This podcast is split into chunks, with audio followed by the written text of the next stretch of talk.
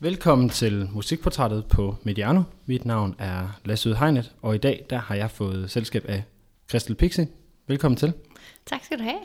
Og Christel, du er med i dag, fordi du har, jeg spurgte, om du ville finde en plade og en fem nummer derfra, som vi, øh, vi skulle lytte lidt til.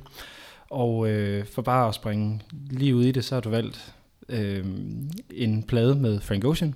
Ja. Vil du ikke øh, selv fortælle, hvad det er for en, du har valgt? Det er øh, Nostalgia Ultra, som jo egentlig ikke rigtig er en plade. Det bliver lidt udgivet som et, øh, blev lidt droppet som et mixtape. Men jeg ser det lidt som, øh, som et album, og det er klart en af de albums, jeg har hørt allermest. Mm. Kan du prøve at, for, at forklare, hvad forskellen er på et mixtape og på et, et album for os, der ikke nødvendigvis er så langt inde i den her R&B-genre? Et, et mixtape, det kan være, at du lidt tager en masse andre sange eller covernummer og laver remixes af dem, eller synger ind over dem, eller tager... Egentlig, du kan også tage nogle sange, som slet ikke er din egen, hvor du slet ikke selv synger på, og så remixer dem. Lidt ligesom man kunne lave mixtapes i, øh, i gamle dage, og så, øh, og så udgiver man det jo egentlig ikke. Jeg tror, der er også en masse copyright nu, som ikke var på det tidspunkt. Så det er, det er egentlig ikke hans egen musik?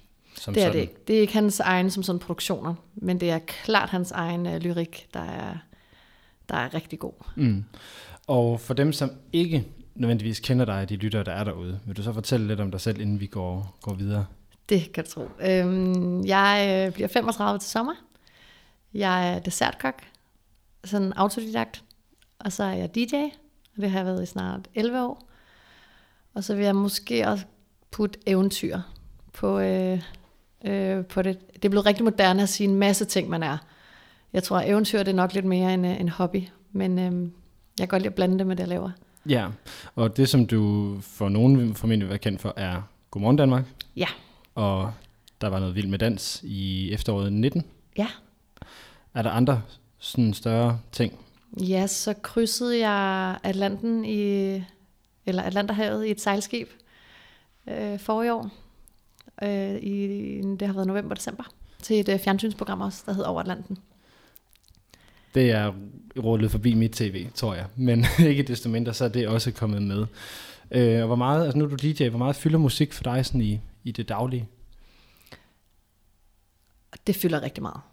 Altså jeg hører musik fra jeg slår øjnene op, til jeg går i seng. Og nogen vil, øh, vil mene, at øh, ej, altid høretelefoner på, eller altid sådan et eller andet, men det, det er vel lidt ens øh, soundtrack for ens liv jo. Det er jo en, en stemningsting, der hvis man er i dårligt humør, eller hvis man er rigtig glad, eller hvis man vil blive rigtig glad, eller sådan. Det, det er meget forskelligt, og jeg hører rigtig meget forskellig musik. Så det er, det er noget, jeg aldrig nogensinde kommer til at stoppe med. Mm. Og vi kommer selvfølgelig til at tale rigtig meget Frank Ocean, men hvad har du så hørt her til morgen, inden du skulle herud? Bare som... Altså faktisk så øh, har min søn en sang, han synes er vildt fed, som vi hører, når vi cykler i børnehave for tiden, og det er Turn Down For What, som er sådan fuldkommen vanvittig sang, og han elsker den bare. Så den har jeg altså hørt i 20 minutter streg, mens vi cyklede børnehave. Og inden da, der hørte jeg faktisk Carl William, et nummer, der hedder Rammer Perfekt. Og en smule modsætningsfyldt. Helt vildt. Og, men det er meget, øh, det er virkelig sådan, øh, det er virkelig hvilket humør man er i. Altså om morgenen nogle gange, når jeg står op, kan jeg godt, nogle dage har jeg lyst til at høre sådan noget helt tung hiphop. Andre dage har jeg lyst til at høre sådan noget øh, øh, øh, pianomusik uden tekst. Og det er virkelig forskelligt. Og når du hører så meget musik, hvordan var det så at få stillet den her opgave med at skulle vælge én plade og skulle tale ud fra?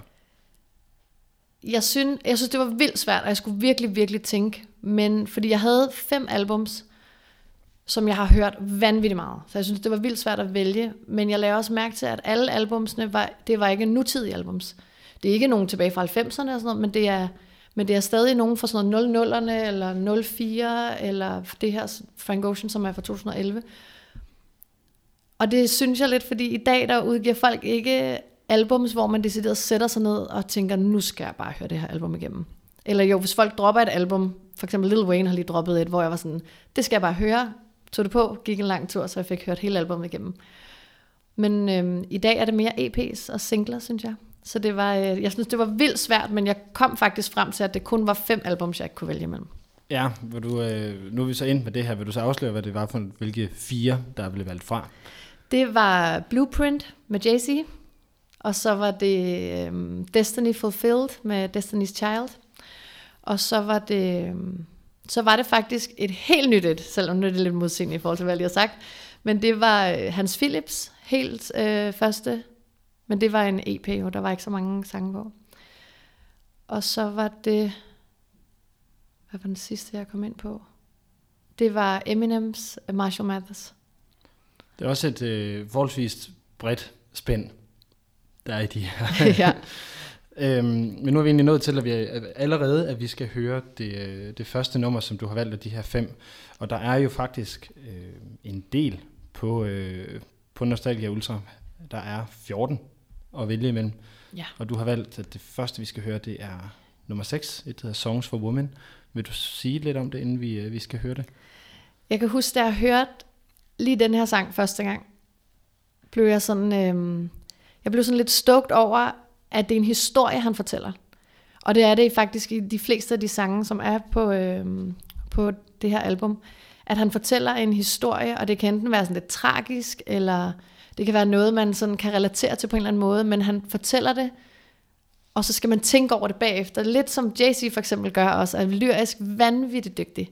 Og det kan jeg vildt godt lide, at man sådan skal tage det ind, og det er lidt, hvilket humør man er i. Okay, var det det, den egentlig handlede om, da den sluttede? Og så kommer lige tilbage og hører den igen. Så det er, man vender tilbage til. Det er det. Ja, godt, men så får I chills, harmonizing the oldest Isley mob. And every time somebody asks me if I sing songs to get at women, I say yeah, they say no fair, no fair is cheating. I say shit, oh well, oh well. And every time a nigga asks me if I sing songs to get at women, I say yeah, they say no fair, no fair is cheating. I say boy, don't judge, cause hell if you me, you'll be singing to her like la da da da da. La da da da da. La da da da da. Now I'm in the lab, always working late, always sleeping past the breakfast she makes. She used to stop by, come and holler at me, put her purse down and try to battle rap me. She don't do that no more, no more, no more. Don't even listen to the songs I record, but she be banging that Drake in my car. Blasting Trey and his songs. It's like she never heard of me, heard of me. Now every time somebody asks me if I sing songs to get my women, I say no. They say okay, I don't believe it. I say no, I swear I never. Ja, og det var så øh, lidt af Songs for Women. Og Kristen, når du øh, hører det igennem her, hvad er det så, der gør, at det her nummer, det bare virkelig virker? Jamen jeg tror lidt, det er... Øh, på det tidspunkt, da det udkom, det var, det var om sommeren, eller det var sådan start sommer, hvor at alle folk er sådan ved at blive sådan lidt sommerkuldret, og jeg kan rigtig godt lide det der, at musik kan tage dig tilbage til en periode, sådan så man sådan kan blive ved med at gå tilbage og lytte til noget, og så kan det tage en tilbage til den periode. Det synes jeg er vildt fedt. Så hvor, hvor, hvor, bare for at fange den periode her, hvor var du så i forsommeren? Det er 11? faktisk, det er faktisk lidt, øh, lidt sjovt lige med, med det her album, for jeg kan huske præcis, hvor jeg var, da det udkom. For det udkom ikke som man vil udgive noget normalt. Og jeg stod i min øh, lejlighed i Nordvest, og havde lige solgt den og skulle flytte derfra, og stod og malede. Og så øh, min, øh, min eksmand, som jeg var sammen på det tidspunkt, han siger til mig, det er helt vanvittigt, der er kommet den her nye artist, og øh, Def Jam vil ikke rigtig udgive albummet, så han er bare gået fuldkommen trodsig, og så har han bare selv lagt det op på sin Twitter, og man kan gå ind og downloade det nu.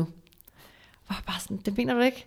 Og så downloadede jeg det, og så i de to dage, vi gik ligesom og gjorde min lejlighed klar til, at den, den nye skulle flytte ind, der hørte vi det her album.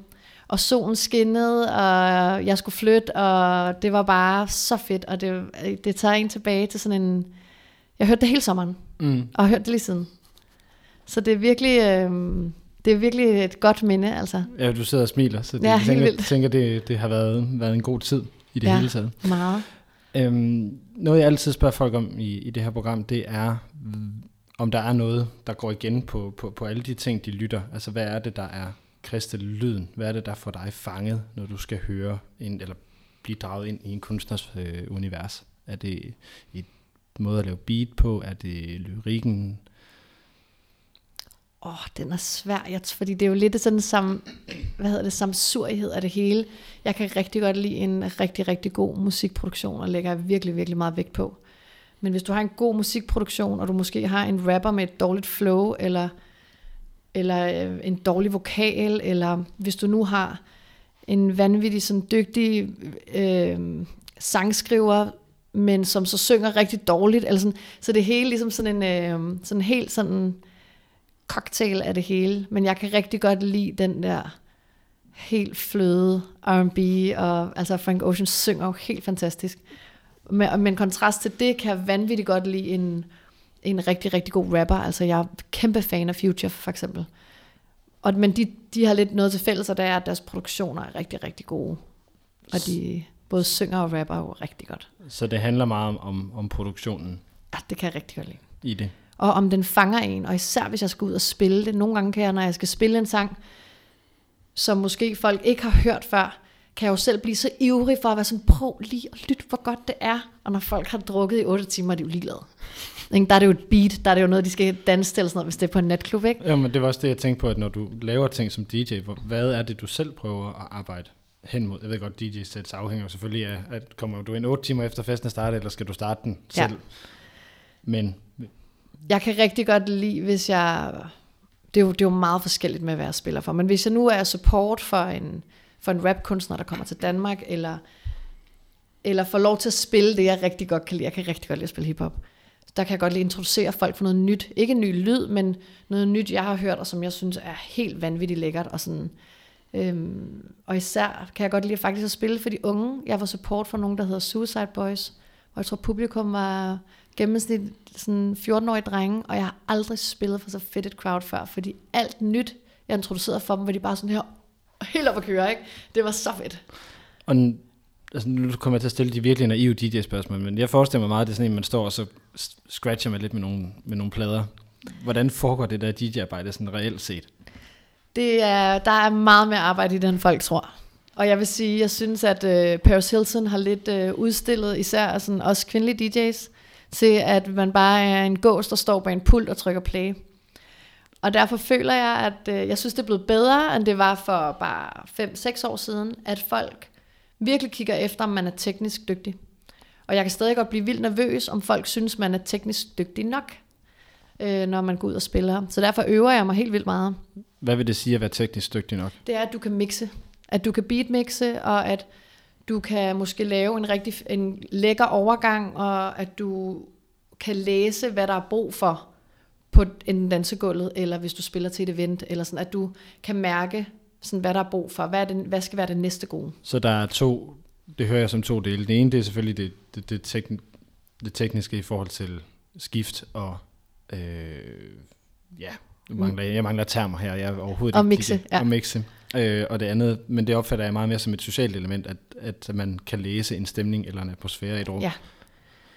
Jeg vil sige, det der gør dig til en dygtig DJ, det er, at du kan læse stemningen. Altså det er jo alt afgørende. Det nytter ikke noget at komme ind til en, øh, hvis du spiller til et bryllup, og der står en, en på gulvet, ikke? og du så bare tror, at du er, det, øh, hvad hedder nogle af alle de her elektroniske DJ's, du bare går ud og er sådan, er I klar? Og råber, det kan man jo ikke. Fuldkommen bare skræmme folk væk. Har du prøvet at stå i en situation, hvor enten du ramte ved siden af, eller den DJ, du havde, eller var til, til fest med ramt totalt ved siden af? Jeg tror, man bliver arbejdsskadet som DJ, og holder, at man er altid meget sådan, når du så kommer ud til en fest, eller en natklub, og, og sådan, man lytter jo, man kan simpelthen ikke lade være. Og man kan ikke lade være med at tænke, okay, hvis de sætter det her på efter det, der er nu, så kommer det til at gå helt amok. Mm. Det kan man ikke lade være med at tænke. Jeg vil aldrig gå op og sige, ved du hvad, jeg tror, hvis du lige spiller det her nummer, så vil det være rigtig godt. Gå aldrig nogensinde på, for folk er jo på arbejde. Men jeg har prøvet at spille til en, til en fest engang, som er den første og eneste gang so far, nu skal jeg lade være med at det, at jeg ikke har haft nogen på gulvet en hel aften. Og jeg var alt igennem. Og det var til sådan en, øh, jeg tror det var til en julefrokost. Det var, jeg var alt igennem. Alle årtier, helt tilbage fra 70'erne. Jeg var i boogie, jeg var i elektronisk, jeg var i R&B, jeg var i 90'er og 80'er. Intet virkede. Det var et øh, knæk, knæk i min... Øh, Det kan jeg virkelig godt forstå. Også til en julefrokost. Af alle, af alle steder, der burde det virkelig ikke være særlig svært. Uha, altså den var rigtig hård. Det, øh, jeg gik der bare fra, hvor jeg sådan, jeg har simpelthen fejlet. Altså jeg har simpelthen fejlet som, som DJ, for det var fuldkommen vanvittigt. Og der er lidt, jeg har lidt en ting, hvis du ikke kan få folk på dansegulvet til sådan en firmafest, eller, eller en julefrokost, eller sommerfest, hvis du ikke kan få folk på gulvet til det nummer, der hedder September, så kan du lige så godt bare lukke og slukke. det nummer kan få alle ud af dans. Jeg har aldrig prøvet, det ikke har virket, ud over den ene gang. Og hvem, hvem har lavet det nummer? Bare så vi kan sende anbefalingen Wow. videre til... Uh, det, det var ikke godt. Det var ikke godt, jeg ikke vidste det. Jeg går bare ind. Ej, nej, nej, hvor er det tageligt. Det er Nu får du i hvert fald ikke Earth. Wind and Fire. Med september. Ej, nu skal jeg nødt til lige at tjekke. Det er det. Ej, det var et træls øjeblik. Det var et træls øjeblik for mig. Jo, jo, jo. Lad mig lige se her. jo, jo. Godt så. Ej, jeg er helt, jeg får helt røde kinder. ja, vi vil hellere gå, gå tilbage til, øh, til Nostalgia Ultra, så du kommer lidt tilbage på hjemmebane Ja, igen. Fordi øh, du har valgt fem af de her 14 numre, der er på pladen. Ja. Øh, og nu kommer vi så kun til at høre bidder af de her Mhm. fem, du har valgt. Så kan du sige lidt om nogle af de numre, som du ikke har valgt? Jeg vil sige Nature Feels, som vist er det sidste nummer på, på albumet. Ja. Det var faktisk et nummer, som øh, MGMT har lavet oprindeligt. Som, altså jeg tror alle kender introen til det, så da man hørte, at det ligesom kom til allersidst, som er et rigtig feel-good sommernummer, og så han havde valgt at tage det, som var sådan en ny produktion, det, øh, det kommer rigtig bag på mig. Og der vil jeg sige, der kan jeg faktisk bedre lide originalen, Okay. end jeg kan lide øh, Frank Oceans. Så det, men Hvad det, har han gjort ved det, som, som ikke virker, havde nær sagt? Altså MGMT leverede bare så hårdt på originalen, at man, at man kan ikke leve op til at lave det nummer om. Det kan man bare Men de har også virkelig været gode på, på, på altså de har virkelig haft nogle virkelig hø- høje peaks på Helt, nogle af deres numre. helt vildt. Og der synes jeg virkelig, øh, og det her nummer, når man hører introen til det her, der vil man næsten hellere have, at det er, at det er MGMT. Man tænker, de, de, de, og man er sådan, okay, sommer, og så var det ikke dem alligevel. det er faktisk, men det, er, det kan jeg huske, det tænkte jeg rigtig meget, da det kom, øh, da det kom frem. Ikke at det er dårligt, men det er, det kan ikke det, de andre kan. Nej, men det var så et af de ni, ni der du, du, ikke, du ikke har valgt. Jeg vil sige, der er også et, et par stykker af dem, som der jo ikke rigtig giver mening at vælge, fordi det er sådan nogle 18 sekunders uh, interludes. Ja. Øhm, noget, som også tit, synes jeg i hvert fald er væsentligt at, at, at, at fortælle om i forhold til albums, det, det er en åbner, som jeg egentlig, jeg ved godt, Street Fighter, som åbent den her kun er- er også 22 sekunder, men Strawberry Swing, som er den reelle åbner, Ja, Det er et rigtig, rigtig godt nummer. Øhm, og jeg bliver... Når jeg, alt, når jeg har hørt det her album, hører jeg altid fra start til slut. Men jeg går altid tilbage og hører, øhm, hører nogle af de fem, jeg har valgt her i dag. Men jeg synes, Strawberry nummeret er... Det er lidt ligesom sådan starten på, at sådan, nu kommer det, nu skal vi høre det her album. Men jeg synes, det har ingenting på, på for eksempel Songs for Women, som vi lige har hørt, eller Dust, der kommer hvad, senere. hvad mangler det? det mangler den, at man får, at det smager ikke af mere. Ligesom man vil sige med en kage, der ikke er super god. Altså der vil man sige, det smager ikke et stykke til, eller sådan, jeg får ikke lyst til at gå tilbage og høre det igen. Der, det, er lidt som, jamen, det er lidt som en intro. Altså, nu hører jeg det, fordi nu kommer det bedre bagefter. Ja, så det er flødeskum, man skal igennem for at komme ned til kagen. Uh, skal yes. Me- meget entusiastisk omkring de jeg her er numre. fuldkommen helt... Øh, Og, og kagereferencen. Ja. Yes. Må det have været. Øhm, hvis vi prøver at, at kigge lidt mere på, hvad det er, Frank Ocean han sådan generelt laver, fordi han har lavet væsentligt mere end det her. ja, meget mere. Ja. Hvor ligger det her så i forhold til resten af hans, hans diskografi for dig? Det her er en vinder. Absolut en vinder. Og jeg synes, da han kom med Channel Orange, der var folk fuldkommen op at køre, og synes det var det vildeste. Men mange af dem, der synes det, havde ikke hørt Nostalgia Ultra, eller havde ikke, havde ikke været med på Nostalgia Ultra-bølgen, men havde været med på hele den her Odd Future, og lige pludselig, det var det første sådan rigtige album, han udgav, var Channel Orange. Fordi, som vi snakkede om, var Nostalgia Ultra et mixtape. Så da Channel Orange kom, gik folk fuldkommen amok, og jeg tænkte, ja, altså jeg kunne slet ikke være mig selv også, jeg skal bare høre det album. Men jeg blev faktisk lidt skuffet, Der er jo nogle vanvittige bangers på.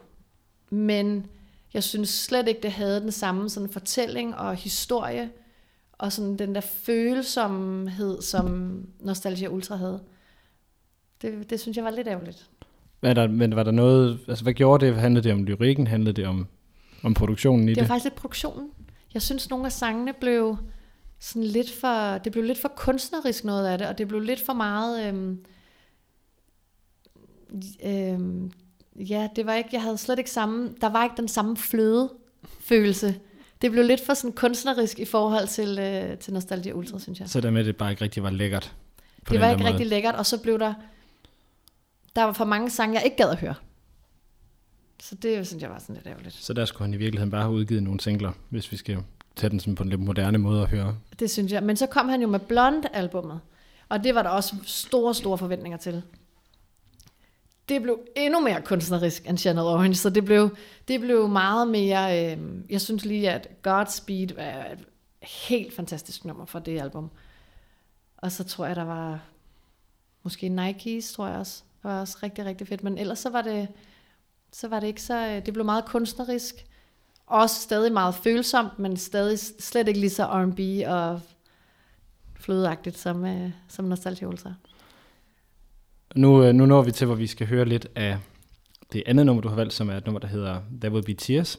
Ja. Og så til, vil, vil jeg gerne vil lige prøve at dykke ned i det her, hvad det er, der, der sker med, med kunstnere, når de ligesom laver noget originalt, og så skal prøve at følge op på det bagefter. Men først så får I lige There Will Be Tears. Nej, du skal have lov til at sige lidt om det inden først. Ja. Da jeg hørte det her, ej, da jeg hørte det her nummer, det blev, det er meget, jeg synes, det er et meget følsomt nummer. Og jeg synes, det er, øh, jeg kan huske, jeg havde en veninde, som hvis lige havde mistet sin far på det tidspunkt. Altså lige da det udkom. Og så sendte jeg det til hende, og jeg var sådan, jeg prøver at høre det her. Det er jo, altså det er vanvittigt smukt, og jeg synes, det er, lyrisk er det bare så flot skrevet. Altså sådan, så hvis man virkelig er, hvis man er meget følsom og sådan virkelig er i en periode i sit liv, hvor man måske har oplevet noget lignende, så kan det virkelig ramme en hårdt. Jeg synes, det er et rigtig flot nummer. Godt. Så får I lov til at høre lidt af There Will Be Tears her. There will be tears. I've no doubt. There may be smiles,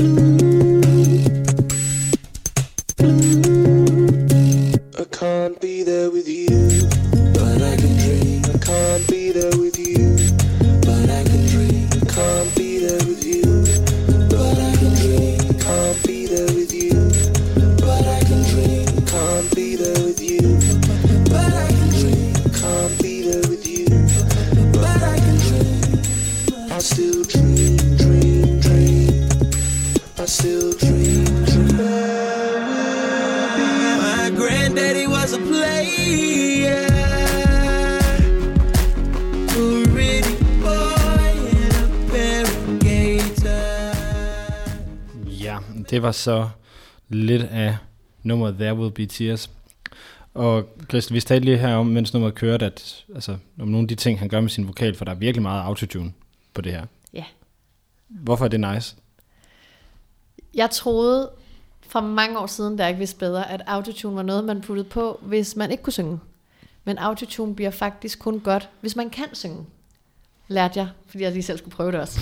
øhm, og det, øh, hvis man ikke overbruger det, så synes jeg, det lyder vildt lækkert. Synes jeg, det er vildt fedt. Det fik jo så meget kritik, da autotune startede med at komme. Men nu er det jo, altså, det er jo en kæmpe ting, både i rap-genren og i R&B-genren. Ja, for hvilke muligheder er det, det giver for en vokal lige pludselig? Jamen, du kan skrue op og ned for den, og du kan gøre den sådan lidt mere, øhm, jeg vil gerne sige lidt mere rumagtig, men du kan lave en, øh, det er jo en helt anden lyd. Og jeg tror, det er rigtig vigtigt, at det bliver en del af ens, øh, en, altså ens lyd, og man embracer det, hvis man, øh, hvis man godt kan lide det. Det synes jeg er vildt fedt. Mm. Har du været til nogle af Frank Jonsens koncerter på noget tidspunkt? Nej, desværre. Og det her kommer til at lyde helt vildt mærkeligt, når jeg, jeg, kan, fakt- jeg er ikke super vild med at gå til koncert, faktisk. Ja, det er meget... Er det ikke underligt? Og det er ret underligt. Og det er faktisk fordi, øh, jeg, har været, jeg, jeg har været til mange koncerter. Men det kan tælles på én hånd, dem der har været gode. Og det er faktisk tit, fordi jeg bliver skuffet. Og jeg synes, det er, øh, jeg synes, det er lidt ærgerligt, at det skal selvfølgelig ikke lyde som præcis som det gør på albummet. Det forventer jeg ikke. Men jeg synes, det er faktisk ret ofte, at de her artister, de underleverer, og jeg synes, det der bliver simpelthen så skuffet. Og så kan jeg godt, øh, det er det samme, jeg synes nogle gange også, hvis en musikvideo ikke lever op til, hvor god sangen er, så kan man lige pludselig synes, sangen er lidt dårligere, eller sådan, hvis man har været til en dårlig koncert, så er man sådan lidt, ej øv, eller sådan, det var jo ikke. Altså, jeg, jeg kan godt sætte mig ind i det. Øh, Jeg, jeg tror bare, at jeg er meget sådan... Øh, det afhænger lidt af kunstneren. For hvis mm. det er en kunstner, jeg kender enormt godt, så vil jeg gerne se dem lege med deres nummer. Hvis Ja. det er en kunstner, jeg ikke kender særlig godt, så har jeg virkelig ikke brug for, at de leger med deres nummer. Fordi, fordi så vil jeg gerne vide, jeg gerne kunne genkende Ja. det, jeg skal, det, jeg skal høre. Ja. Og så handler det også rigtig meget for mig om tilstedeværd på scenen. Ja, Øh, absolut. Så, så der er nogle, nogle forskellige dele i, øh, i det. Øh, et, et eksempel for mig vil være Lydmor, som laver nogle ret fede ting, mm. og som tør lege med sine numre, når hun er live. Og det er mega fedt, når man kender hendes øh, ting indgående. Ja. Men ellers så kan det måske være lidt svært at komme ind i. Og så kan jeg faktisk godt lide, jeg kan godt lide, når koncerter ikke bliver for store. Altså, jeg elsker at gå til koncert på Vega.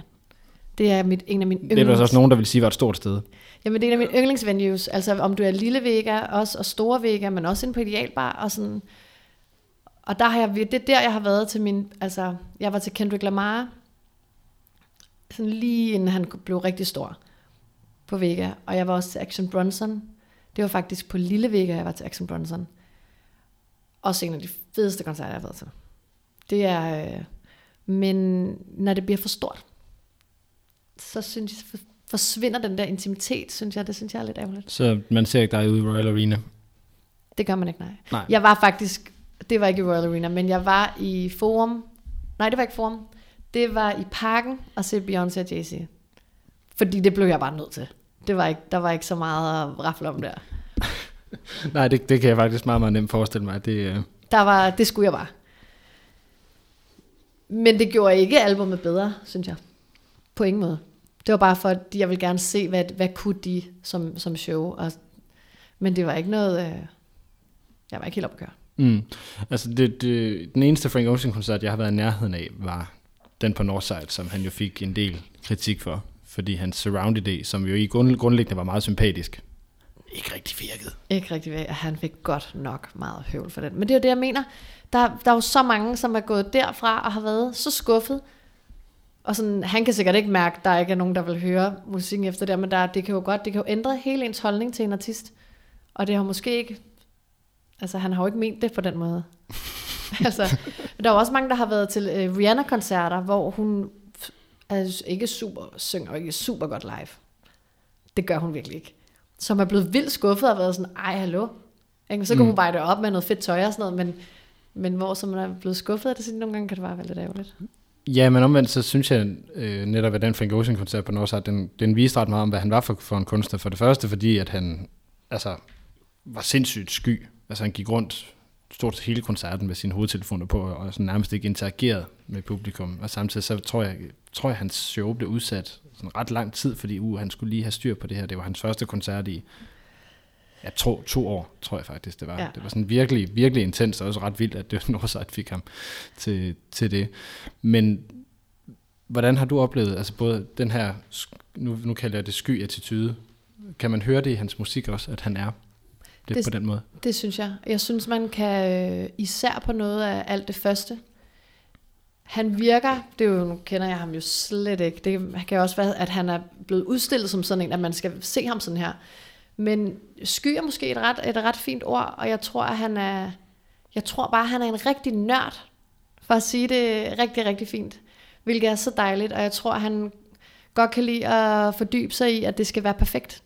Og jeg tror, han er, altså man kan høre på hans tekster, han er vanvittigt dygtig til at skrive tekster, og det, er- det er nok det, jeg elsker allermest ved det, eller ved ham.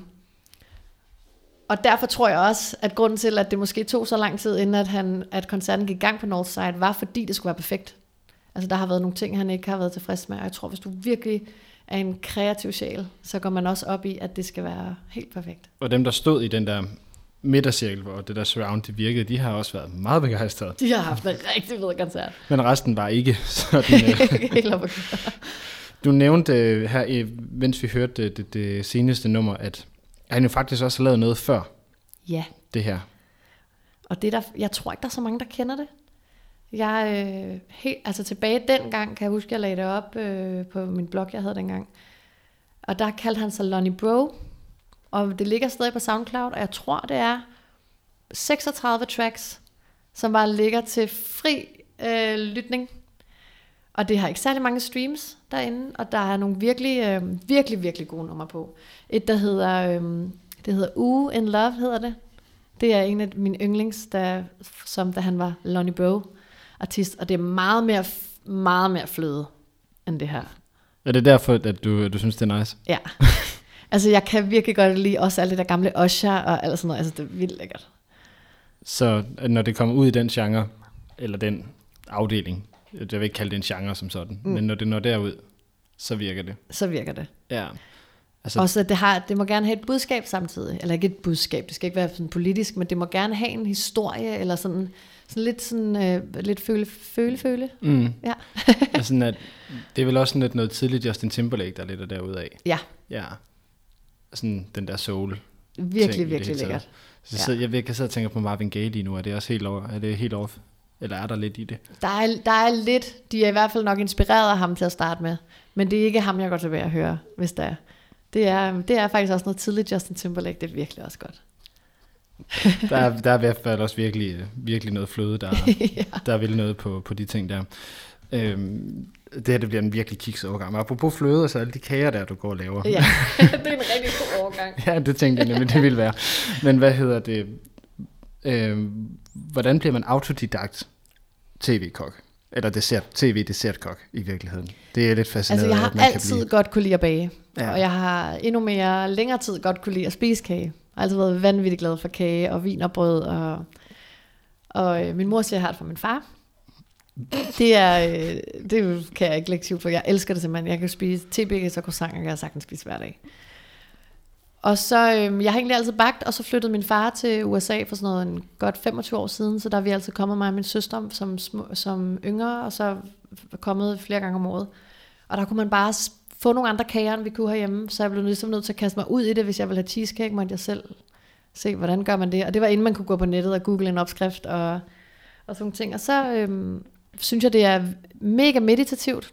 Så det startede egentlig med, at jeg bagte hjemme, fordi jeg godt kunne lide det, og til mine kollegaer og til mig selv. Og, og så blev det lidt sådan en, begyndte jeg at få efterspørgsel på, om man kunne lave bryllupskager, om jeg kunne bage til events. Og nu hvis jeg alligevel også DJ'ede, kunne jeg så også lave kage til det event, og kunne jeg lave begge dele. Og, og så startede det, så startede det egentlig sådan, og så kom Instagram. Og så begyndte jeg ligesom at lægge lidt kage op der, og det synes jeg også var fedt, og så blev jeg, det er virkelig et korte træk det her, ikke? Så Jo. jeg kontaktede de mig op fra årstiderne, og spurgte, om jeg ville lave deres kagebog. Og det var jeg jo, jeg kunne, altså synes jeg var det vildeste nogensinde. Og så lavede jeg en kagebog sammen med Søren Eilersen deroppe fra, som så gjorde, at jeg blev kontaktet af Godmorgen Danmark, om jeg ville ind og bage noget for den bog. Og de syntes, at jeg fungerede virkelig godt på skærmen, så de spurgte, om jeg havde lyst til at blive. Og så tog det ene det andet. Mm. Og så har jeg faktisk været i Godmorgen Danmark de sidste, har lavet Godmorgen Danmark de sidste, nu må snart være fem år. Virkelig ked af, at jeg, at jeg bliver nødt til at afbryde det der, men nu kan jeg simpelthen se, at, at, at tiden den er begyndt at løbe. Det gør den altid i de her programmer. Men vi skal... Men det er fordi, jeg snakker så meget. Ej, det er, det er det. Det er dejligt, du vil tage ansvaret for det. Det er fint, så, så, jeg elsker at snakke. så smider jeg ansvaret over på dig for det her. Øhm, Det er ikke så godt, selvom- fordi det skal forestille mig, der styrer den her samtale. Men vi skal høre øh, lidt fra det tredje nummer, Ja. som du har valgt, som er et nummer, der hedder Swim Good. Så skal vi nok komme tilbage til alle kagesnakken bagefter. Men lidt om Swim Good, inden vi, øh, vi hører det. Swim Good er bare 10.000 procent god stemning. Det er, der er ikke så meget mere simpelthen. Hvis man er i lidt dårligt humør, så kan man sætte det nummer på. Det er bare, det er bare så lækkert. Man bliver i så godt humør af det, og det, der kommer altså lidt solskin, når man hører det nummer. Godt. Det synes jeg er en fin intro på det.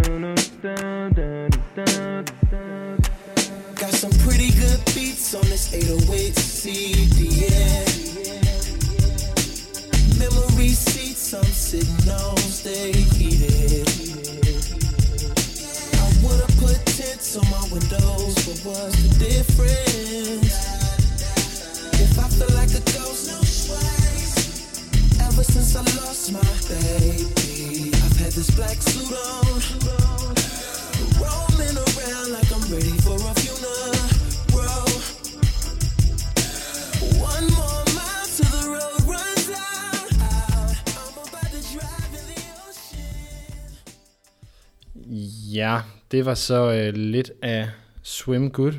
Og lige inden vi, øh, vi fik skruet op for os selv igen her, Christel, der, der, der nævnte jeg det her med, at, at det er lidt pudsigt, hvordan han sådan et halvt minut inden hver sang slutter. Beklager til jer lyttere, som ikke nødvendigvis lige har fået lyttet det her med på grund af klipningen, men hvad, hvordan, hvad gør det ved pladen, at han, han fader den et halvt minut før, at hver nummer det ligesom... Øh, Men det gør faktisk, at når man lytter, når man lytter til hele albumet, altså jeg vil virkelig anbefale til dem, der lytter med derude, at virkelig sætte sig og høre hele albumet, fordi for det første er det en, lidt en historie, at man sådan følger ham, men også den måde, sangene bliver jo lidt fadet sammen på den måde med, at for eksempel denne her slutter af med fuglekvider og, ja, noget bølgebrus og lidt. og bølgebos og sådan, fordi at man svømmer af swim good, og han vil hoppe i havet, og, og hvad betyder det egentlig, han vil hoppe i havet, og sådan der, og det er det, der er vildt fedt ved hans sange, især på herfra, der, der er det lidt tvetydigt, meget af det, og det er lidt, hvad, er det bare det, hopper han bare i havet, og svømmer han bare, eller er der noget dybere med det, og der er der med ret mange af sangene, som jeg synes er vildt fedt. Og for, så får man lidt mere sådan stemning ind over, når de fader ud på den her måde. Det synes jeg er ret fedt. Så det, så det er sådan noget ambient atmosfære, der ligesom det får givet til det. Fuldkommen. Og så er, er det tit en overgang til næste nummer. Mm. Og, på den her tvetydighed, øhm, der var noget med, at han, han så sprang ud som homoseksuel på et tidspunkt. Ja. Ja. Det blev jo virkelig taget imod, øh, både med klapsalver og, og folk, og alligevel var der nogen, der slet ikke kunne forstå det. For folk begyndte så at gå tilbage til netop Nostalgia Ultra og nogle andre sange, var sådan, jamen, jamen hvad, hvad handler de her sange så egentlig om? Hvorfor synger han om hende, hvis det ikke er en, en hende, og må man sige hende og ham i dag? Og, altså alle de her, det, folk blev fuldkommen, øh, det, folk kunne slet ikke forstå det. Jeg synes, Men- det var vildt fedt. Men, ja, men, sig, men det, hvorfor er det fedt? Fordi det er jo, det er jo, jeg synes, jeg ville jo heller ikke tænke, det var et problem. Det er jo bare, altså, det behøver ikke være så personligt, når man laver Jeg nogle tror, numre. det er fordi, at nogle folk tog det her album til sig som sådan, altså virkelig, altså det er jo, eller mixtape til sig, og virkelig, virkelig tog det ind. Så jeg tror virkelig, der var nogen, der blev skuffet og var sådan, jamen sang han ikke det til mig? Jeg forstår det ikke. Han blev jo, han blev jo gift med hende der i American Wedding, og så ville hun ikke alligevel. Og, men det, som så var fedt, hvad han gjorde det, det var, det var jo ikke præcis hende, han sang om. Hende, han blev gift, giftet med. Det var en, det var en måde. Det var en, hvorfor gør folk det? Hvorfor bliver de bare lige hurtigt, altså, gift? Og hvorfor, det var hele, det er en historie, han fortalte, som kunne gælde for så mange mennesker. Mm. Det synes jeg var, det, derfor synes jeg, det var rigtig fedt. Det satte, en, det satte lige et ekstra lag Mm. på hans sange. Det synes jeg var ret sejt. Hvis vi på, det, det er helt forkert at skal gå tilbage til den der kagesnak om på det her nu, synes Ej. jeg. Synes du det? Nej, lidt. Det var på vej ud af en interessant tangent på en eller anden måde, som jeg ikke rigtig kan finde ud af at gå videre på. Men jeg synes egentlig, det som vi var ved at efterlade, øh, før vi satte uh, Swim Good på, var øh, altså den her karriereopbygning, du egentlig får, du har fået lavet. Øh, Ja. Og jeg er lidt fascineret af det, fordi det er jo sådan en, sådan, forstår mig ret, sådan den lidt moderne influencer øh, måde at skabe en karriere på. Altså, hvordan er det lige, man gør det? Hvordan er det, man lykkes med det? Og hvor bevidst Det har du er, egentlig jeg været tror om det? på ingen, jeg tror ikke på held. Jeg tror på rigtig hårdt arbejde. Ja, så og rigtig, jeg- så rigtig mange timer i køkkenet. Rigtig mange timer i køkkenet. Rigtig mange timer på nettet og kigge musik. Altså for det er ikke kun kager, det er også musikken. Og det skal ligesom... De to ting, de skal ikke gå hånd i hånd, men det er de to ting, jeg godt kan lide at lave, og derfor satte jeg mig for, kan jeg leve af det her, så vil jeg prøve at gøre det. Mm. Og jeg vil ikke sige, at det er nemt, og man skal virkelig have is i maven. Altså når man rammer tre dage, inden man skal betale sin husleje, og man ikke tænker, okay, der er helt røde tal på kontoen, hvordan kommer jeg lige omkring det? Og jeg har prøvet at være ansat og være rigtig godt betalt og være vanvittigt glad for mit job som, øh, som ansat i et firma. Og, men jeg kan også rigtig godt lide den frihed, jeg har her til at gøre, hvad min passion er. Men det kræver også, at, at man har is i maven og kan danne sig et overblik. Og, Ja, det er sådan nogle, øh, det er sådan nogle floskler, man, man altid siger, når man er i den branche der, øh, på en eller anden måde. Fordi Ja. det, det er jo det der, hvad det, det betyder, når du gør det fra dag til dag. ja. Fordi det er jo ikke sådan, at altså, som du selv sagde, sådan i den der periode, hvor man bygger op til, at når man, så bliver det godmorgen, eller godmorgen Danmark. Det er jo ikke sådan, at man hver dag sådan, går og har, er, har det fedt med, om oh, det er godmorgen Danmark, det ved jeg, det sker lige om lidt. Det er jo de der, Ja. at man jo har en hverdag, som alle andre har. Lige præcis. Og det er, man er jo kun altid på arbejde. Mm. Altså, jeg er jo altid på arbejde. Heldigvis kan jeg arbejde rigtig meget på min telefon. Men jeg er altid på arbejde, og ser altid, prøver altid at finde nye idéer til, hvad kan man gøre nu? For eksempel nu i øjeblikket er jeg ved at prøve at se, om jeg kan lave nogle øh, kage-workshops. Det synes jeg kunne være vildt sjovt. Men også at, at kaste sig ud i det.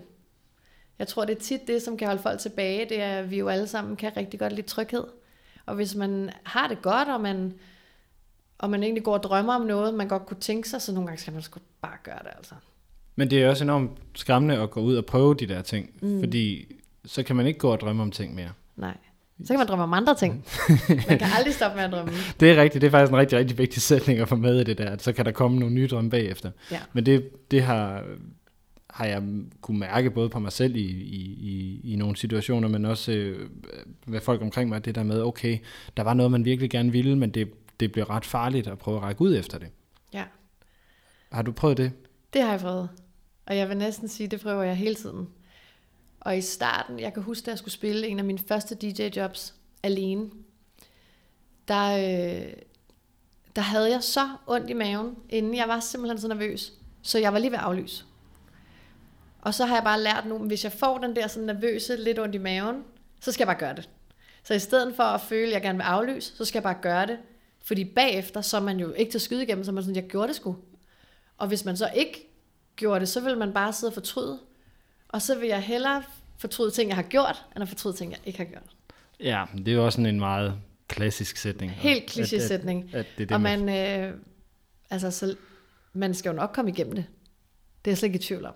Der, øh, der, kan, der kan man næsten, næsten, hvad man vil. mm. Hvor har du været mest i tvivl, om det kunne lykkes? Eller hvornår har du været det? Det er stadig ofte, om det kan lykkes. Og man kan jo godt sidde udefra, og så kan man kigge på Instagram, og man kan se, at, øh, at jeg laver tv og, og sådan nogle ting, og det er da vildt dejligt. Men det er da også, øh, det er da også en kamp. Og skal være sådan, når man har, har jeg lykkes? Hvornår har man lykkes? Og der tror jeg altid, man kan blive bedre. Og der er der mange ting, jeg vil gerne vil. I år har jeg sat mig for, at jeg vil gerne blive rigtig god til at sejle. Mm. Det lyder lidt paradoxalt, når du har sejlet over Atlanten. Ja, nej, men der, skulle jeg, der, der skulle jeg lære at sejle. Ah, okay, ja. Så, øh, og det kan man jo, det vil jeg vanvittigt gerne blive god Det til. lyder som en voldsom stejl indlæringskurve. meget, meget, meget voldsom start. Men, øh, men det var sjovt, og så har jeg sat mig for, det vil jeg gerne blive god til i år. Mm. Og jeg vil også rigtig gerne blive god til at, øh, at lave bage-tv på min YouTube-kanal. Og så sætter man ligesom nogle ting for, at det, det vil jeg gerne blive rigtig god til. Mm. Næsten koster, hvad det vil. Ja, Og så, øhm, og så må det være, at man så spiser havregrød en måned, fordi man, der ikke er nogen indtjening på det. Men, Men- så længe det gør en glad, så ved jeg, at det nok skal lykkes. ja så det, det er det der med, at, at man ikke giver op efter tre, som eksempel tre DJ-sæts, der ikke lige gik så godt, som man håbede, eller nu kom der ikke lige det næste job, men at man, Lige præcis. Og man er, altså, jeg har tålmodighed som en fireårig. Og jeg har virkelig skulle lære mig selv, at man bliver nødt til at være tålmodig. Altså ting, der, lykken kommer ikke bare banker på ens dør. mm, Altså hvis man vil være god til noget, så skal man, så skal man være dårlig til at starte med. ja, Og så skal man udvikle sig. Men også være god til at rose sig selv og sige, okay, det gør jeg fandme godt det der. Det var, øh, det var sgu en flot kage, eller ej, sikkert et godt mix. Og, men på den anden side også være god til at rose hinanden. mm, For det gør jo, at man får lyst til at komme tilbage og fortsætte med at spille, eller fortsætte med at bage. ja. Så den vej, det er meget vigtigt. Da du sagde det omkring med, med lykken, der banker på døren, der kom jeg til at tænke på den her film, der hedder The Two Popes. Har du set den? Forholdsvis ny med Anthony Hopkins og Jonathan Price. Det har jeg faktisk ikke. Jeg synes, jeg synes det, er en, det er en anbefaling. Det, det er sådan en meget ukompliceret film, men den er meget sådan hjertelig. Og de her to øh, paver, eller kardinaler, den ene pave, de diskuterer de omkring, hvor er Gud henne, og så den ene siger, jamen, Jonathan Price prøver at argumentere for, jamen, øh, Gud er jo, skal man jo finde på vejen. Og så spørger den anden, som, hvorfor, hvorfor, altså, hvordan skal vi finde Gud, hvis han altid bevæger sig? Og sådan, jamen, det gør vi på rejsen. Det der med, at vi skal, vi skal bevæge os for at finde indholdet i tilværelsen på en Ja. eller anden måde. Ikke? Og det lyder som lidt det samme, når man skal prøve at køre den her. Lige præcis. Jeg tror, at mange folk kan sidde og drømme om rigtig mange ting derhjemme, og, men den, den drøm kan jo ikke blive virkelig gjort, hvis man ikke går ud og opsøger den. Mm. Eller sådan, den banker jo ikke bare på døren. Man bliver nødt til at arbejde hårdt for at nå sin mål, og, og man kan altid aim, aim højere, vil jeg gerne sige. Ikke? Ja. Øhm, altså jeg er også lidt fascineret af den her måde, fordi, øh, fordi man skal jo også brande sig selv i ja. det her. Og hvor meget fylder det for dig? Og hvor, eller hvor meget er du bevidst om sådan det der Instagram-liv? Jeg er meget, altså, jeg er både meget bevidst, og så ikke så bevidst. Det er, øh, altså Instagram er blevet en, en forretningsdel for mig, og det er en... Jeg Må man sige det, når man er på Instagram egentlig? Jamen det må man godt, fordi man skal jo skrive, at man laver reklame, når man laver reklame ja. nu, og der er ligesom en, der er ligesom en lovgivning omkring det. Men også... Jeg tænkte, jeg tænkte i forhold til den personer, man jo også bygger op som offentlig. Det, det synes jeg godt, man kan. Der er jo nogle ting, som jeg har, har jo stadig et privatliv, som ikke kommer på Instagram. Jeg har ikke noget imod at lægge op, at mig og min søn bager, og jeg har ikke noget imod at lægge op, at jeg hopper i vandet, og og jeg kan rigtig godt lide at, at vise folk, at jeg er en utrolig positiv person, og det kan jeg rigtig godt lide at, at dele med folk. Øhm, og der er ikke nogen grund til, at hvis man øh, er vildt sur over, at cyklisterne kører dårligt foran en, det har har jeg ikke behov for at, at fortælle øh, på Instagram for eksempel. Jeg kan vildt godt lide... Jeg er lidt glad for at høre, det er sådan, sådan dårlige vibes at sende ud i verden. Men, øhm, fordi det kan lidt være som at ringe i vandet, ikke? Hvis man er en rigtig sur mokke, når man så kan det smitte af på nogle andre, som måske har startet med at have en dårlig dag, og de så ser det, så er de sådan, åh, i dag er sgu også bare en lort dag, ikke? Eller sådan. Men, øhm, men jeg kan godt lide at inddrage folk i hele det her kage-univers og sådan noget, men jeg har stadig adskilt, at der er mit privatliv, og så er der mit arbejdsliv. Ja, så der er den der er en meget, meget skarp hørte linje mellem privatkristel og... Jamen det er der, det er der, og det, men det er stadig en meget, meget fin balance, for jeg kan godt lide at inddrage folk, men der er ikke nogen grund til, at jeg kan også godt lide at have det sådan privat, og sådan hvad jeg snakker med min søster om, som, er, som nu er nogle gange er meget privat, men det kunne jeg da aldrig finde på at så snakke om. Nej, men det, det er jo nemlig det, der er lidt, ja.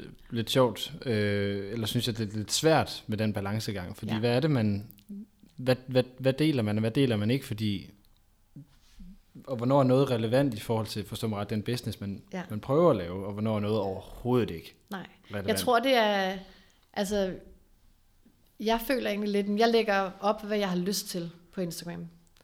Og så nogle gange bliver det taget godt imod, og nogle gange synes folk ikke, det bliver taget godt imod. Og, men jeg kan også nogle gange være sådan, kan man lægge for meget op, kan man lægge for lidt op, men det er ikke noget, jeg sådan prøver min hjerne med overhovedet det er meget naturligt for mig, hvordan min Instagram egentlig kører. Ja, så... Og det er mig selv, der styrer det hele, og der er ikke, der er ikke nogen, der sådan fortæller mig, sådan, hvad mm. jeg skal gøre. Det er meget. Og det er, for mig er det en rigtig vigtig ting, at, at min Instagram kan være naturligt. Og det ligesom bare er, om det er lidt en forlængelse af mig, og så kommer der rigtig mange ting derop, og jeg kan godt lide at inspirere folk. Det synes jeg, når folk skriver tilbage til mig, at de synes, jeg er en inspiration. Det er simpelthen, jeg bliver simpelthen så glad. Altså det er, det synes jeg er det, der er det vildeste at få at vide. Så det er det, man også, den energi, man også selv ender med at leve på? Ja, lige præcis. Ikke så meget, ikke alt det her like, som folk er sådan helt, åh, oh, likes, likes, alt sådan noget. Det er ikke så meget det. Det er mere, at hvis man, hvis man har ramt en person, der skriver tilbage, hold kæft, en god energi, du har, og sådan noget, det er, det er sgu dejligt at, at starte sin morgen med at uh, se, at uh, du lige sender et smil ud, ud i verden. Det er jo bare en person, som man måske har smittet med et, med et smil. Det synes jeg, der er helt fantastisk. Mm. Det tænker jeg også er et ret godt sted, at vi skal hen til det fjerde nummer, vi skal høre, fordi det har du faktisk skrevet i, øh, at det var dit yndlingsnummer ja, på pladen. det er det. Og det er et nummer, der hedder Dust, ja. som er nummer 11 ja. på pladen. Vil du sige lidt om det, inden vi skal, vi skal høre det? Det synes jeg. Det er et øh, det er det nummer, jeg nærmest altid starter med at høre først derfra. Hvis jeg lige går tilbage til det album, tænker jeg, jeg skal lige høre Dust. Det er en tekst, som er helt fantastisk, som handler om, at han lidt har taget sin, øh, sig selv som person, og så ligesom, det er lidt metafor at have gjort sig selv til et bibliotek, og han lukker en person ind i sit bibliotek, og ind, som åbner den her bog, og ind i den her bog fortæller han om, at alle de sider, der er skrevet i den bog, jo, som, og som så er ham, det er nogen, han ligesom selv har, øh, har skrevet, og hvor den her person kommer ind, og, øh, og sletter nogle sider, eller river nogle sider ud af den her bog, og siger, det skal du så ikke tænke over, nu skal du bare leve, og sådan, det er virkelig, virkelig en fin sang. Who's that talking in the library? Who's that talking in my library?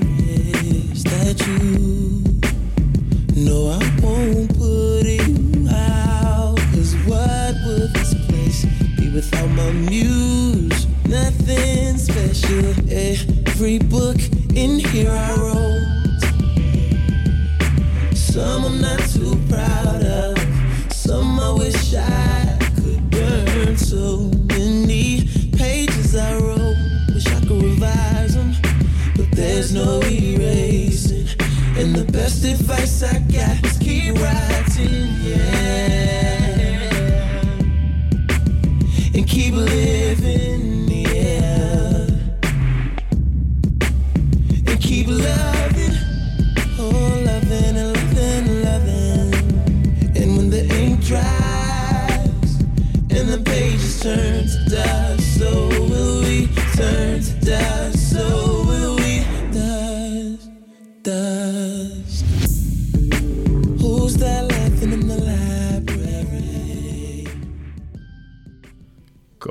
Det var så, øh, så lidt af dust. Nu ved jeg ikke. Er, er du begyndt at google et billede af min kammerat, som jeg spurgte dig om, mens nummeret kørte, eller er du? Nej, nej, slet Nej, ikke. godt. Jeg vil bare lige slå øh, vibratoren fra, sådan, så den ikke lå bosset.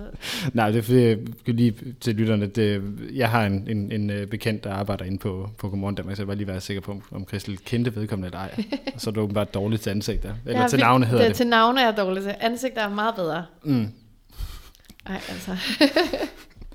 godt. Øh, men Dust er faktisk også et af de, for at kort tilbage til musikken, det korteste af de, skal vi sige, reelle numre, Ja. der var den her plade. Hvorfor virker det så godt, når det er kun er to og et halvt minut? Altså det er jo ikke engang inden for popskalaen, havde jeg sagt. Nej, men jeg tror, det er, det er, i denne her er det helt klart teksten. Teksten fangede mig så meget, da jeg hørte den første gang. Jeg lyttede den, så tænkte jeg, nej, er det, det, er det virkelig det, han synger? Jeg gik tilbage og lyttede den igen, var jeg sådan, det er jo, det er jo helt vanvittigt godt. Jeg kan godt lide, når folk... Øh, Jay-Z gør det faktisk også, øh, er rigtig, rigtig, rigtig dygtig til det på, på Blueprint, på rigtig mange sange, hvor han egentlig synger om noget, men mener noget andet. Det kan jeg vildt godt lide. Mm. Så det der dobbelt lag Ja, igen. Altså det lyder, altså nu vil jeg- starte med at spørge, hvad det var, der, der fangede dig, der sagde du produktion, og jeg synes egentlig, det lyder mere og mere, som om det er den her lyrik, der fylder. Ja, men jeg tror altså, at jeg fik sagt, at det er også historierne. Jeg kan godt mm. lide, når der bliver fortalt en, en historie. Og jeg synes også, øh, altså Hans Philip, synes jeg også er vanvittigt dygtig til at skrive sange. Der han kommer også virkelig også omkring, hvor han kan fortælle nogle ting, som måske egentlig lidt betyder noget andet. Det synes jeg er vildt fedt. Men han har også lidt den samme, lidt af den samme vibe, som Frank Ocean egentlig har. Ja, det synes jeg, han altså, også, også i forhold til det der flødeelement. Ja, men også at, at han er sådan lidt dyb. Det kan jeg, og det synes jeg også, Frank Ocean er. Mm. Så den del er også væsentlig for, at, at, at du bliver fanget af, Det er det, af en ja. musikgenre. Men det er jo også, som vi faktisk lige så snakke om før, det er jo også, hvor man er i sit liv, eller hvor man sådan, øh, hvis man har en rigtig følsom dag, eller har total kærestesover, og man hører en sang, som handler om det, så det er jo nærmest lige pludselig verdens bedste sang, og man er sådan, okay, jeg kan mærke det hele maven. øhm, Ja, det tror jeg virkelig, vi alle sammen har været. ja, men lige præcis, hvor så kan man virkelig tænke, og så kan man sende det til nogen, der ikke har kærestesover, og sådan, prøv lige at høre, hvor godt det her nummer er. Og de er sådan, ja, det er da meget godt. Hvor man sådan, jamen kan du ikke? men det er jo så, fordi man måske ikke er samme sted. Og der, synes, der er det bare, musik er jo genialt, altså. Ja, det er det i forhold til den her følelsesformidling. Øh, sådan, nu hvor du kører DJ-ting, du, du, har aldrig, du har aldrig kørt sådan akustiske instrumenter, eller sådan siddet for, bænket for en klaver derhjemme, eller et eller andet. Nej, Nej, nej. Der er jeg ikke så god. Nej. Jeg har jo spillet på blokfløjte engang i folkeskolen. Og det lyder fordi, som en klassiker. Fordi man skulle, men altså, der er jeg ikke særlig god. Men det er heller aldrig tiltalt, der skulle prøve det. Nej, slet ikke faktisk. Jeg har været meget... Øh, min eksmand er, er musiker og, og producer, og har, vi har altid snakket og gør det stadig vanvittigt meget musik. Og han er sindssygt dygtig, og også autodidakt på altså næsten alle instrumenter. Og er vanvittigt god, og det har altid, fuld, altså det har altid været sådan fuldkommen dragende for mig at se, hvordan sådan en sang bliver sat sammen. Altså når jeg, hvis jeg har været med i studiet og se, hvordan en sang bliver sat sammen i lag på lag på lag. Jeg synes, det er vildt spændende. Mm. Men det er ikke noget, jeg har tænkt, det skal jeg kaste mig ud i. Mm. Nej, okay. Øhm, så den sidste del af, den, det, af det, du introducerede dig selv som, det var så den her eventyrdel. Ja. Ja. Øhm, hvordan bliver man lige det? Altså, hvordan er det, man ender med at sejle over Atlanten, er er nok i virkeligheden mit spørgsmål.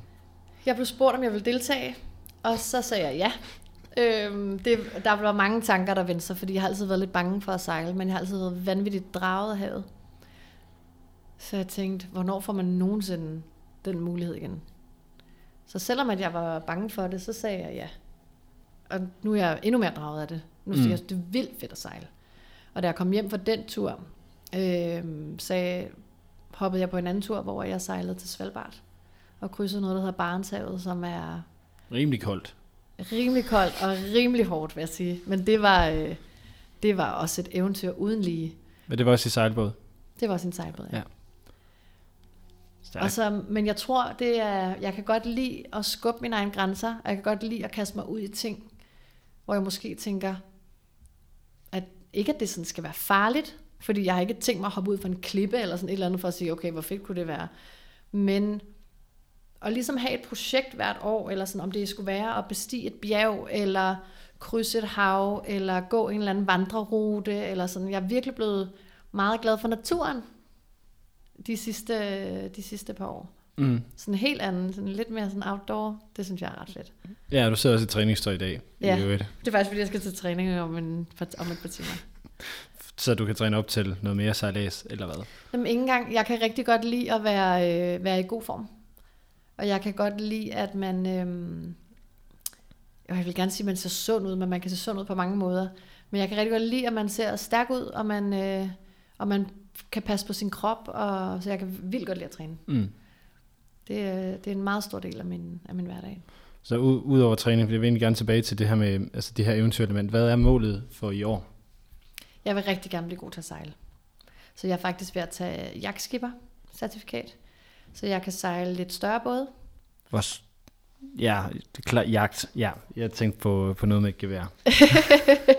Men det er et skib. Ja, selvfølgelig er det det. øhm, og fordi jeg lidt har meldt mig ind i en gruppe, hvor at hvis folk skal have sejlet nogle skibe hjem, om det er et sejlskib hjem, om det er op fra Sverige af, eller ned fra Grækenland af, eller at man så kan, hvis man har det certifikat, så kan man være med. Og det vil jeg vildt gerne. Og man bliver kun god til at sejle ved at komme ud og sejle. Ja, som det jo er med alle ting. Man Lige bliver kun god til det ved at gå ud og gøre det. Lige præcis. Så det er, det er virkelig mit mål for i år. Jeg vil blive virkelig god til at sejle, eller bedre til at sejle. Øhm, man bliver aldrig helt perfekt jo, til det, så man kan kun forbedre sig hele tiden. Mm. Så det er det, der skal ske. Ja. Ikke nogen bjerge, ikke nogen krydsninger af større have. Nej, jeg vil rigtig gerne krydse Stillehavet på et tidspunkt. Så der, øh, men der skal jeg lige blive lidt mere færdig. Lyder som, øh, som en god plan. Mm. Hvad hedder det? Vi nærmer os, at vi er ved at være færdige. Øh, desværre med snakken her. Er der nogle ting, du, øh, du synes, vi mangler at fortælle om, når vi, når vi taler om dig og Frank Ocean og musik i det hele taget? Jeg ved Nej. godt, der også har været nogle andre afstikker. Men Det, det synes jeg faktisk ikke. Det synes jeg faktisk ikke. Det er, jeg synes, vi har været ret godt omkring. Altså, jeg synes, og jeg synes, det var ret fedt, vi lige også var omkring, at man at det er altså ikke bare en, øh, en dans på roser, og være selvstændig, og DJ og bage, og lave tv og sådan. Nej, men netop, at, at det jo netop ikke er en...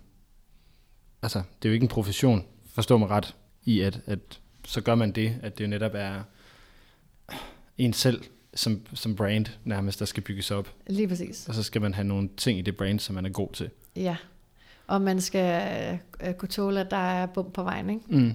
Og lige kunne hive sig selv lidt op. Mm. Det er... Øh, Apropos det, hvad hører du, hvis du skal hive dig selv op en dag?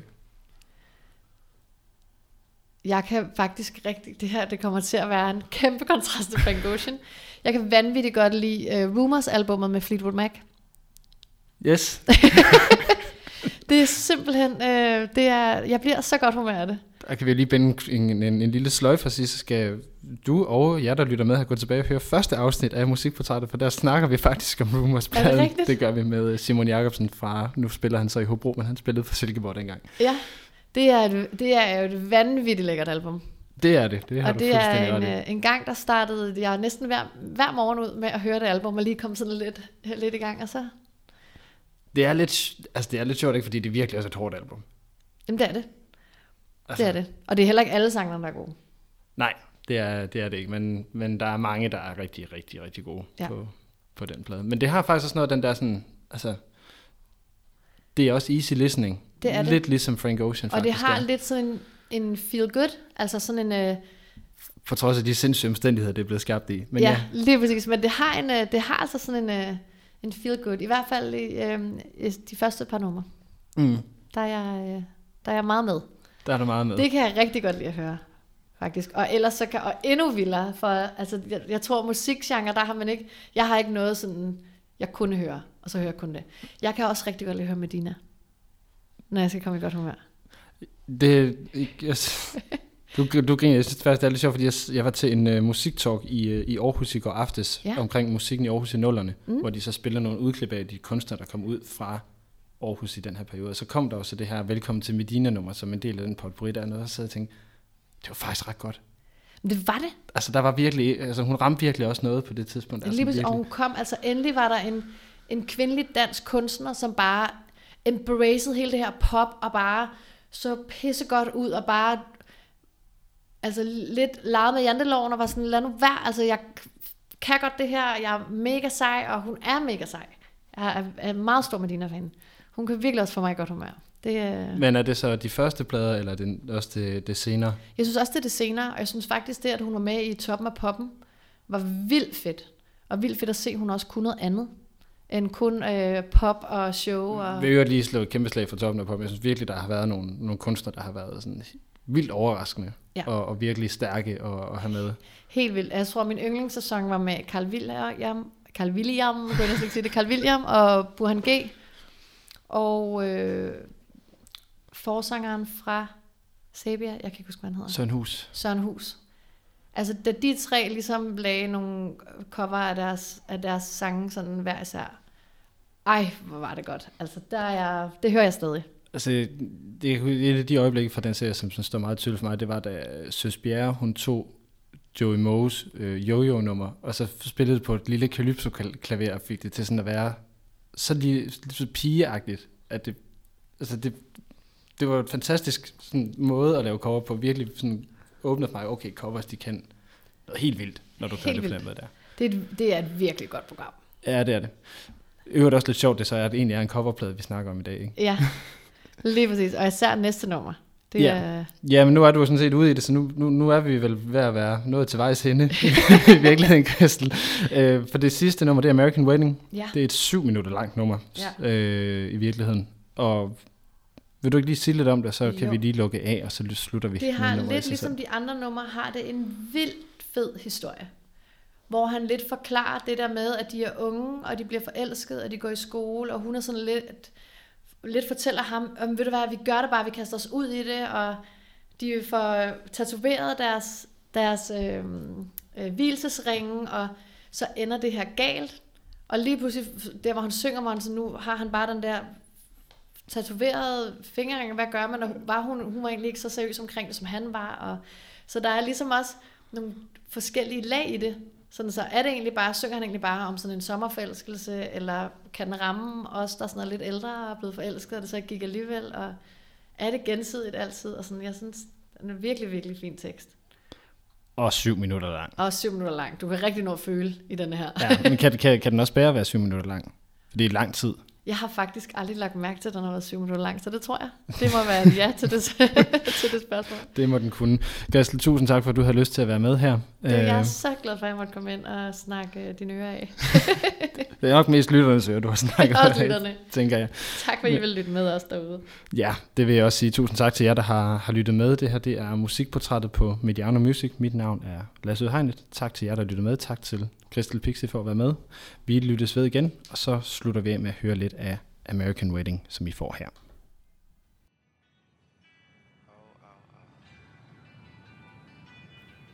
Og her skulle I så have hørt lidt af American Wedding, men som det bliver nævnt i løbet af udsendelsen, så har Frank Ocean øh, lavet det her mixtape ovenpå allerede eksisterende materiale, hvilket betyder, at han ikke har rettigheder til det, og hvilket rent faktisk også betyder, at lige præcis American Wedding, fordi det er ovenpå et øh, meget tydeligt The Eagles arrangement af Hotel California, så kan vi faktisk ikke øh, spille det. Der ligger i artiklen til udsendelsen her på medianomusic.nu et link, hvor man kan høre hele øh, udsendelsen, eller slutrøvel, hele øh, mixtapet, og den vej igennem får lov til at høre det, så det vil jeg anbefale jer at gå ind og finde. Ellers øh, så vil jeg bare igen sige tusind tak for, at I har lyttet med, på trods af manglende American Wedding.